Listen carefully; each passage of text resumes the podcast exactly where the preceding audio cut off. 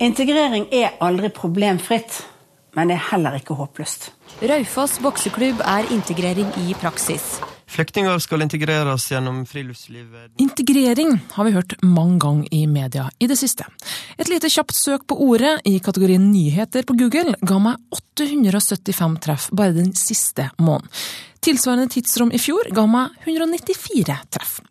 Sjøl om Googles søkemotor på ingen som helst måte er sidestilt med profesjonelt utført statistikk, så gir det likevel en pekepinn. Mediene snakker mer om integrering enn hva de gjorde for bare et år siden. Men hvordan står det til med integreringa i mediene sjøl? Har du noen bildetekster? Trenger sikkert helt uforståelig. Den er jeg, den er Bondevik. Vi bruker ikke billedtekster i Armenia. Fordi i den tid, okay, Det er sant. Fordi vi det bestandig bare Brezjnev sin bilde. Og vi trenger visst det Brezjnev. Alle kjenner det er et stykke fra Brezjnev til Bondevik, men det er også et stykke fra Armenia til Verdalen i Nord-Trøndelag. En reise som redaktøren i Nordlig regnbue gjorde for første gang for 16 år siden. Egentlig jeg heter Varasdad Grigorian, men for dere, for nordmann, det er vanskelig å uttale. Og alle kaller meg som Willy. Willy er redaktør for Nordlig regnbue, som er to helsider med artikler og reportasjer laga av både Willy sjøl og ikke minst deltakere på voksenopplæringa i Levanger og Verdal kommune, som publiseres hver lørdag i lokalavisa for de to kommunene kalt Innherred. Du blir veldig engasjert, så du slår mye i bordet. og det høres veldig godt. Greier du å holde hendene samla? Jeg vet hva er vanskelig her. Willy er en meget entusiastisk mann, og forteller meg like mye med kroppsspråket som med norsken sin. Og han må fysisk sette seg på hendene sine for å ikke skulle bruke dem når han forklarer meg historien sin om da han kom fra Armenia til Norge i år 2000. Jeg var helt deprimert, fordi jeg har mistet alt i livet mitt. Familien min, hjemlandet mitt, jobben min, stillingen, til og med drømmene av en dag jeg skal være forfatter. Den tida jeg var asylsøker og bodde på Leira mottak, asylmottak. Jeg hadde ideer, men jeg hadde ikke penger for å kjøpe datamaskin og andre ting. Ingen trodde på meg at jeg kan ordne den. Willy hadde jobba som journalist hjemme i Armenia, men i 2000 befant han seg altså på et asylmottak i Levanger kommune. Uten penger, uten datamaskin, men med en masse ideer. Så en dag spurte den ene læreren hans på norskopplæringa om han kunne tenke seg å lage en veggavis. Veggavis? Jeg skal lage en fantastisk avis. Jeg kan den. Og med en gang jeg drar til Levanger Avisa og snakker med redaktøren, hva vil jeg gjøre? Til tross for jeg snakket dårlig norsk i dag også. Det, tenk bare hvordan var den for 15 år siden. Ansvarlig redaktør i Innherred, Roger Rein, var ikke redaktør for 15 år siden, men har likevel grundig kjennskap til starten av Nordlig regnbue. Og Nesten med en gang han kom til Levanger, han snakka ikke norsk, vet du. Han, eh, men han er jo veldig entusiastisk, han gjorde seg jo forstått på et vis. Han dukka da opp på redaktørens kontor og sa at jeg vil lage avisene. Vil lage avis for Nordlig regnbue. sånn og sånn. Og redaktøren var ikke tapp bak i vogn. Han sa OK, da starter vi.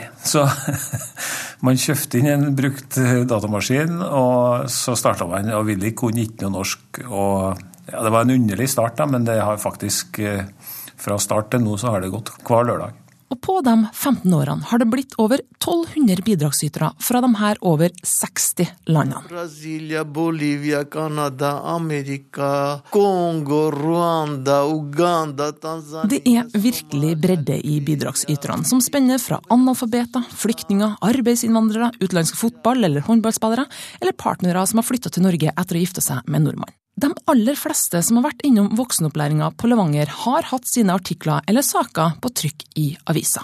Man kikker ansiktene deres da de skriver artikler, og åpner artiklene og kikker artiklene sine i avisa.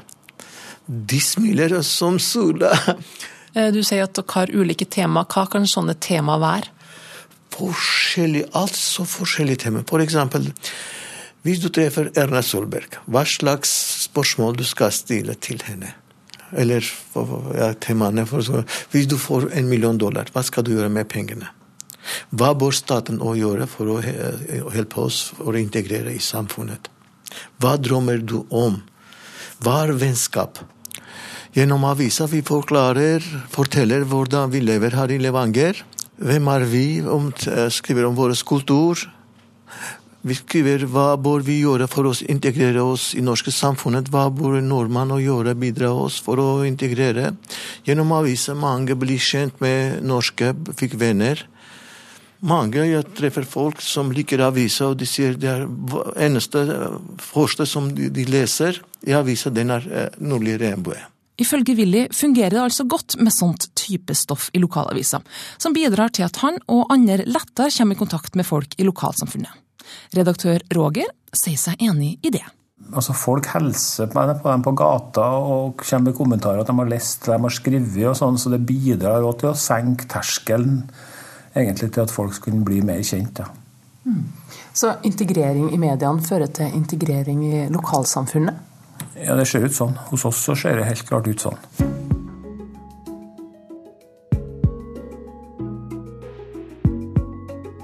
Per 1.1.2015 var det ifølge Statistisk sentralbyrå i alt 804 964 personer med innvandrerbakgrunn i Norge. Og Det tallet omfatter òg de 669 378 innvandrerne som er født i et annet land. Dette tallet har økt jevnt og trutt de siste ti årene. Men har antall journalister, kilder, reportere og programledere med innvandrerbakgrunn i mediene økt i takt med dette tallet? Har mediene lyktes i å speile den faktiske befolkninga i Norge? Overhodet ikke kom det kort og kontant fra Sharam Al-Ghazi, medieviter og førsteamanuensis ved Høgskolen Kristiania. Han syns mediene viser et for snevert bilde av den norske befolkninga med flerkulturell bakgrunn. Det eksisterer en enorm variasjon av posisjon, av synspunkter hva det gjelder kultur, Eh, sosialt liv, eh, verdier, eh, religiøse overbevisninger der ute, som veldig, veldig sjelden kommer til uttrykk. Det vi får veldig ofte, er på en måte forestillinger om hvordan de andre er, og vi prøver å vi reproduserer disse forestillingene når det gjelder f.eks. kildevalg. Veldig oftest gjengangere som kommer og skal være representant for de forestillingene mediene mener å eksistere blant innvandrerbefolkningen. Bør mediene drive med integrering? Um, bør og bør. Altså, det, er, det ligger på mange måter i medienes natur å være eh, samfunnsengasjerte. Og når det gjelder norske forhold, så er det et element som har vært veldig viktig sånn historisk. da, Når man ser for seg på NRK, at man har samfunnsansvar. Det er sånn kulturkanal. Og Samme gjelder for mange andre medieinstitusjoner. Så Sånn sett er det veldig naturlig å tenke på mediene som veldig riktig forum for å snakke om uh, integrering, innvandring, uh, migrasjon som viktige samfunnsspørsmål, som er uh, viktig å fokusere på. Er det noen som, har, som du syns har i hvert fall gjort en innsats, som har lyktes i mindre og større grad av norske mediebedrifter? Altså, jeg tror det er mange gode intensjoner ulike steder. Man er opptatt av det spørsmålet. Og historisk vet vi også at er mange som er i eh, medieinstitusjonene våre, er, eh, har liberale, inkluderende holdninger. Men de som har gode eh, holdninger også, de, de, eh, de må forholde seg til noen realiteter i bransjen. Og det er det som gjør at det er alltid fare for eksempel for konformitet. Man kan ikke bare gå ut og gjøre ting som på en måte ikke er eh, klisjé. Vi bedriver veldig mye klisjeer. Vi lager klisjeer av virkelighetene i forhold til. For innvandringsspørsmålet. Dette trusselbildet og nå kommer de til å ta over Norge, nå skal de innføre sharia-loven, nå skal det bli så mange at oi, hele velferdsstaten vår kommer til å ramle. Det er sånn type fortellinger som er så mektige, og spørsmålet er i hvilken grad vil enkelte individer med de gode intensjonene være i stand til å bryte med sånne typer fortellinger og lansere nye narrativer, nye måter å se på hvordan, hvordan det faktiske sameksistensen i Norge kan se ut i tiden som kommer. Mm. Men hvordan kan mediene gjøre integrering på en god måte inn i sitt arbeid? Jeg tror det viktigste er å ha litt mer reflektert forhold til sin egen virksomhet.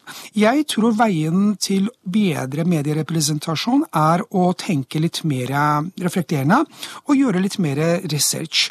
Kan løsninga være rett og slett en kvotering for å få inn flere og nye stemmer? Ja, altså Jeg er ikke noen sånn kvotetilhenger, men det jeg er tilhenger for å tilrettelegge for at man får delta. F.eks. For i forhold til utdanning, i forhold til å på en måte bringe folk i ulike nettverk, bl.a. det journalistiske nettverket. Veldig ofte nettverk og det sosiale kapitalen som er problematisk for kanskje folk med en annen bakgrunn. Flere av de har ikke sin Eh, sin bakgrunn herfra. De har ikke barndomskompiser, for å si det sånn, som kan hjelpe dem å legge par ord. Eh, hvis man kunne tilrettelegge for at man kommer i nettverkene, bl.a. hvis man på en måte starter med jeg vet at NRK bl.a. hadde en opplegg, jeg vet ikke om de har det fortsatt? Jo da, de har det fortsatt, og navnet på det er NRK Flere er et eh, rekrutteringstiltak. Vi tar inn og lærer opp eh, for det meste journalister med flerkulturell kompetanse som NRK mangler. Så man kan kalle det en slags praktikantordning. praktikantordning. Dette er stemmen til Marianne Mikkelsen, prosjektleder i Flere, som nå har eksistert i NRK siden 2008. Vi trenger eh, mer eh, flerkulturell kompetanse i NRK for å nå ut til eh, hele befolkningen og gi alle et like godt tilbud. Og for å få til det bedre, så må vi ha en kompetanse fra den målgruppen. Og det går ikke fort nok av seg selv, så derfor så trenger vi en sånn hjelpemotor eller ekstra inngangsport, da. Så, sånn at det går for tregt fortsatt. Vi hadde en opptelling, men det gjaldt alle, alle ansatte i NRK for, for, en del år siden. Eh, og da var det ca. 4% med flerkulturell bakgrunn, og vi ligger ikke veldig høyt over det nå heller. Så det er fortsatt eh, viktig å ta et eh, krafttak på dette området. Men sjøl med trange tider innen både NRK og mediebransjen generelt, så har det gått bra med mange av flere praktikanter. Av de 49 som har eh, fullført eh, programmet, så jobber over halvparten fortsatt i NRK, og det er mange som har fått jobb i andre mediebedrifter. Så sånn sett så, så er vi fornøyd med det når vi teller hoder. Og så, så er det jo stadig flere flerkulturelle mm, medarbeidere i NRK som kan eh, rapportere om hvordan de bruker sin kompetanse. Og lederne forteller om det. Hvordan de gjør oss eh, mer kvalifisert til å dekke både innenriks og utenriks. Jeg vet ikke om dere husker at jeg har vært barne-TV-mannen. Folk sier fortsatt veldig så mye sånn 'Å, du er så flink på barne-TV.' Så flink så på deg hver dag. Du er så flink. Uh, jeg var jo ikke flink. Det var jo ikke derfor jeg fikk jobben. Uh, jeg ble jo kvotert inn. Uh, det er sånn det er på NRK. Der må folk kvoteres inn. Jeg var på audition, gjorde en kjempedårlig jobb. Vi satt i sånn rom som dette. 800 søkere var på stillingen. Så kom de ut, så pekte de på meg sånn 'Du har fått jobben'. Og jeg var sånn What? Og 799 andre hvite mennesker var sånn What?! Komiker Jonas Støme påstår i teksten sin på showet Latter Live at han ble kvotert inn som programleder i NRK Super i sin tid. Når jeg tar kontakt med han, så innrømmer han at det var nok mer en overdrivelse enn en sannhet. Men dette klippet reiste likevel spørsmålet driver NRK noen form for kvotering for å få mer mangfold blant sine ansatte? Jeg spør prosjektleder Mikkelsen. Min erfaring er at eh, leder i NRK ansetter den beste kandidaten. Eh, men så kan du si at eh, hvis man da mangler f.eks. urdu eller russisk kompetanse i redaksjonen, så vil jo det være et pluss i forhold til at man har journalistbakgrunn og utdannelse. Sånn at på den måten så kan jo den som har dette plusset i sine kvalifikasjoner, fort bli den mest kvalifiserte. Mitt inntrykk er ikke at eh, NRK eh, kvoterer, selv om det som kalles moderat kvotering er eh, helt lovlig. Hva med konkurrenten TV 2? Er kvotering noe de diskuterer der for å få mer mangfold, spør jeg nyhetsredaktør Jan Ove Aarsæter. Vi driver ikke med noe kvotering eller noe spesiell integrering. Vi ansetter de vi mener er best. Det gjør vi alltid. Men så åpnet det seg en mulighet i TV 2 jeg fikk eh, forespørsel om jeg ville starte i TV 2. Og det var jo en tid hvor dette med nyhetskanalen skulle, skulle starte. 23.1 i år fikk vi i Kurer høre et portrett av TV 2-reporter Kadafi Saman. Saman er en av flere profilerte journalister med en flerkulturell bakgrunn hos TV 2 og Nyhetskanalen. Er det bevisst, eller er det tilfeldig? Det er ikke tilfeldig at vi ønsker å speile samfunnet i eh, våre sendinger. både foran og bak kamera. Og Da tenker vi kjønn, da tenker vi alder, og da tenker vi bakgrunn. Nyhets- og sportsredaktør i TV 2 vil gjerne fortelle om hvordan de tenker for å trekke til seg medarbeidere med flerkulturell bakgrunn. Vi har ikke noe eh, veldig grundig systematikk på det. Vi, det er jo sånn Når vi diskuterer om vi har den riktige balansen, så skjeler vi litt til hvordan vi er sammensatt både foran og bak kamera. Og hvis vi finner ut at vi ikke har den riktige balansen, så, så gjør vi ting med det. Sjøl om de ikke driver en systematisk rekruttering, mener Aarsæter at de er uansett bevisst medias ansvar for integrering i sitt innhold. Det vil iallfall være i medias interesse å drive integrering i den forstand at en har eh, en mangfoldig arbeidsstokk som representerer alle deler av samfunnet. Fordi at Media har et spesielt ansvar fordi du da fanger du opp andre typer historier. Du fanger opp en annen type kompetanse, en annen type kunnskap. Uh, og det er i vår egen interesse at vi ikke bare representerer en 70% majoritet, men at vi fanger opp alle. Så i så måte så mener jeg at vi bør ha et selvpålagt ansvar for å drive en form for integrering. Mm.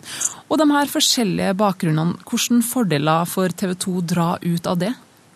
Vi får en unik kompetanse på mange områder som mange av oss andre mangler. Vi, snakker vi om språkkompetanse, kulturkompetanse, kompetanse på utenriksjournalistikk, på valg i utlandet. Eh, og denne kompetansen ser vi resultatet av hos oss i nyhetene nesten på daglig basis.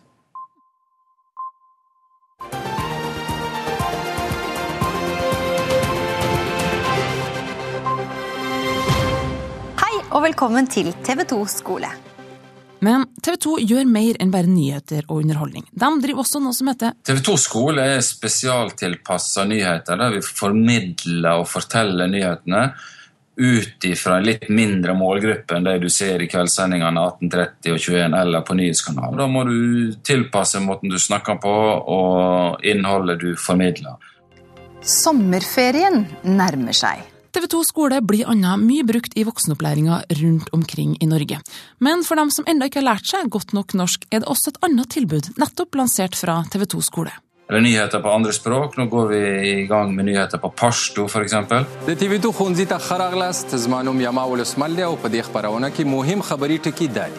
Uten annonseinntekter så er det vanskelig å forestille seg at TV 2 skole er en pengemaskin for TV 2. Hvorfor driver de på med det her ved siden av nyhetsproduksjonen sin? Det, vi ble inspirert av uh, en søsterkanal i, i, England som heter Channel 4, som hadde gjort det samme. og Vi syntes at dette kunne være noe som TV 2 kunne bidra med fordi vi har veldig mye innhold. Og så er det da snakk om å spesialtilpasse det for, for de gruppene som ofte faller litt uh, utafor, eller eh, der vi rett og slett når ut med TV 2 sine nyheter til da uh, mindre grupper som ellers ikke ville sett på oss. Men dere i mediene dere er og skal jo være nøye på godt språk. Hva gjør dere om en skikkelig god journalist eller reporter som ønsker å jobbe i TV eller nett, og ikke har helt feilfri norsk? Vi har tradisjon i TV 2 for å slippe til dialekter, og en er ikke nødt til å snakke normert i TV 2. Det viktigste for oss er at eh, seeren forstår budskapet. Mm. Så om det ikke er helt riktig kanskje setningsoppbygging, hvis det er forståelig, så er det greit? Så lenge budskapet blir mottatt, så vil det være det primære. I NRKs språkregler står det NRK skal følge reglene for offisiell rettskrivning. Hva gjør prosjektleder Mikkelsen hvis en flerepraktikant ikke er så god i norsk som NRK kanskje skulle ønske? Vi har eh, tatt inn flere i dette prosjektet som har jobbet mye med norsken, og, for så vidt så får alle som blir tatt inn i prosjektet, får eh, logopedtimer og trening, og vi følger opp den skriftlige norsken hele tiden. Og noen har vært nødt til å jobbe mye med det.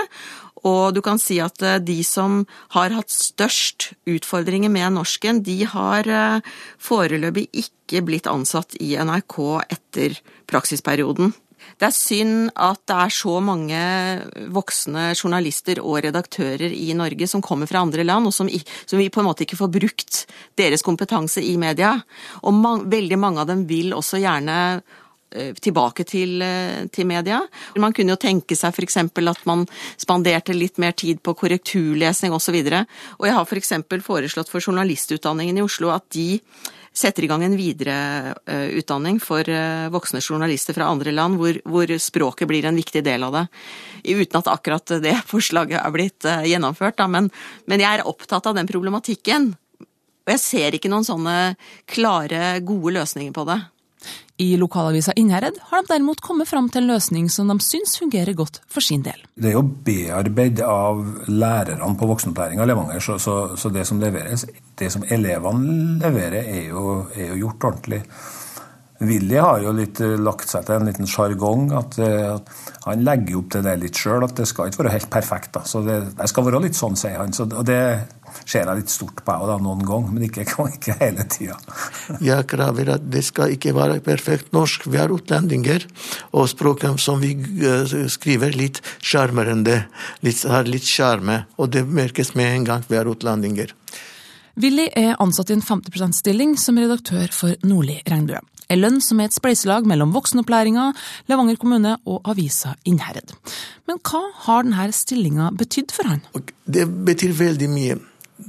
Jeg kjenner ikke så mye penger på den, men Nulle Regnbue gir meg sjanse å realisere meg i en fremmed land.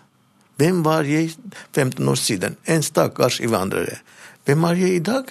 Jeg har, jeg gode venner. Jeg kjenner Erna Solberg, jeg kjenner Torbjørn Jagland. Det er fantastisk at jeg kan gjøre den her i Norge. Da jeg, jeg mine forteller mine venner at jeg jobber journalist her i Norge. Ingen tror på meg.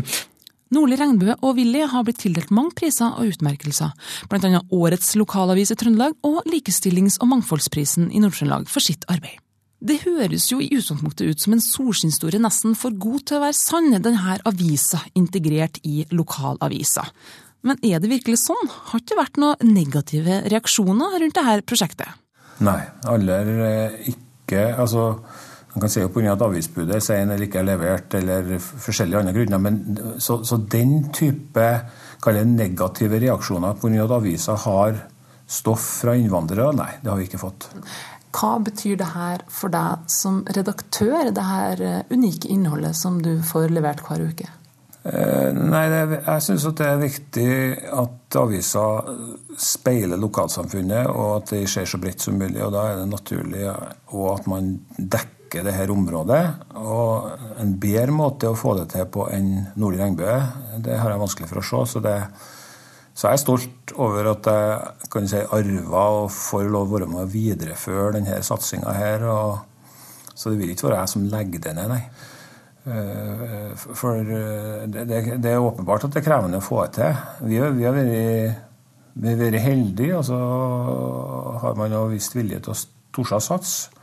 Så det er nok årsaken til at vi har klart det. Men det er ikke umulig å gjøre dette flere plasser. Men leit etter ildsjelen, leit etter den som vil gjøre det, og gjerne en da med helst en med, med, journalistisk bakgrunn. Og det finnes jo helt åpenbart mange av mm. rundt omkring. Eh, men å finne noen eh, altså finne Willy 2, det, den jobben vil jeg se noen gjør, da. Ja, fordi jeg tenkte jeg trenger ikke en bilde her. Nei, men da, Hvis du har, kommer et bilde av Erna Men det passer jo ikke der, da. Passer ikke? Det er jo ikke noe som stopper Willy. Han, eh, han har jo ingen begrensninger for hva han vil eh, på vegne av Nordlig. Willy, altså, han er jo veldig artig å jobbe sammen med, og, så det er ikke noen grenser for han. Så hva, hvor, vi, hvor, vi, driver hen etter hvert, er ikke godt å si. da. Willy gir seg ikke. Og nå er det endelig Erna Solberg som skal intervjues. Jeg har hatt dårlig samvittighet, for det er nesten et år siden han uh, sendte brev og spurte om han kunne få lov å møte, at jeg kunne komme og han kunne intervjues. Så sa vi når jeg er i Trondheim, så skal vi gjøre det. For jeg har jo blitt intervjuet før. Vi vet å være hyggelig mot damene, sant? ja, jeg liker det. Og en ting, jeg har en gave fra Armenia. Åh. Vilje har med seg en flaske armensk konjakk, egentlig gitt i julegave til redaktør Rein, men som ble tilbakekalt når han kom på at han måtte ha med seg en gave til statsministeren. Armensk, ja ja. Det... Du husker hva Churchill sa på jakta? vet du, Så sa Churchill at den armenske konjakken var bedre enn den franske. sa han. Sa han det, ja? Bør det være en del av mediene sin oppgave å drive med integrering i Norge? Ja. Eh, jeg tror det er kjempeviktig for integreringen at innvandrere også eh, hører på radio, eh, norsk radio, ser på norsk TV, leser norske aviser. For Hvis ikke så er de på siden. Men da må det også være et tilbud som er interessant for dem. Å finne det krysspunktet, det, er viktig. Men da må vi kanskje også avspeile noe som de kan synes er viktig, da.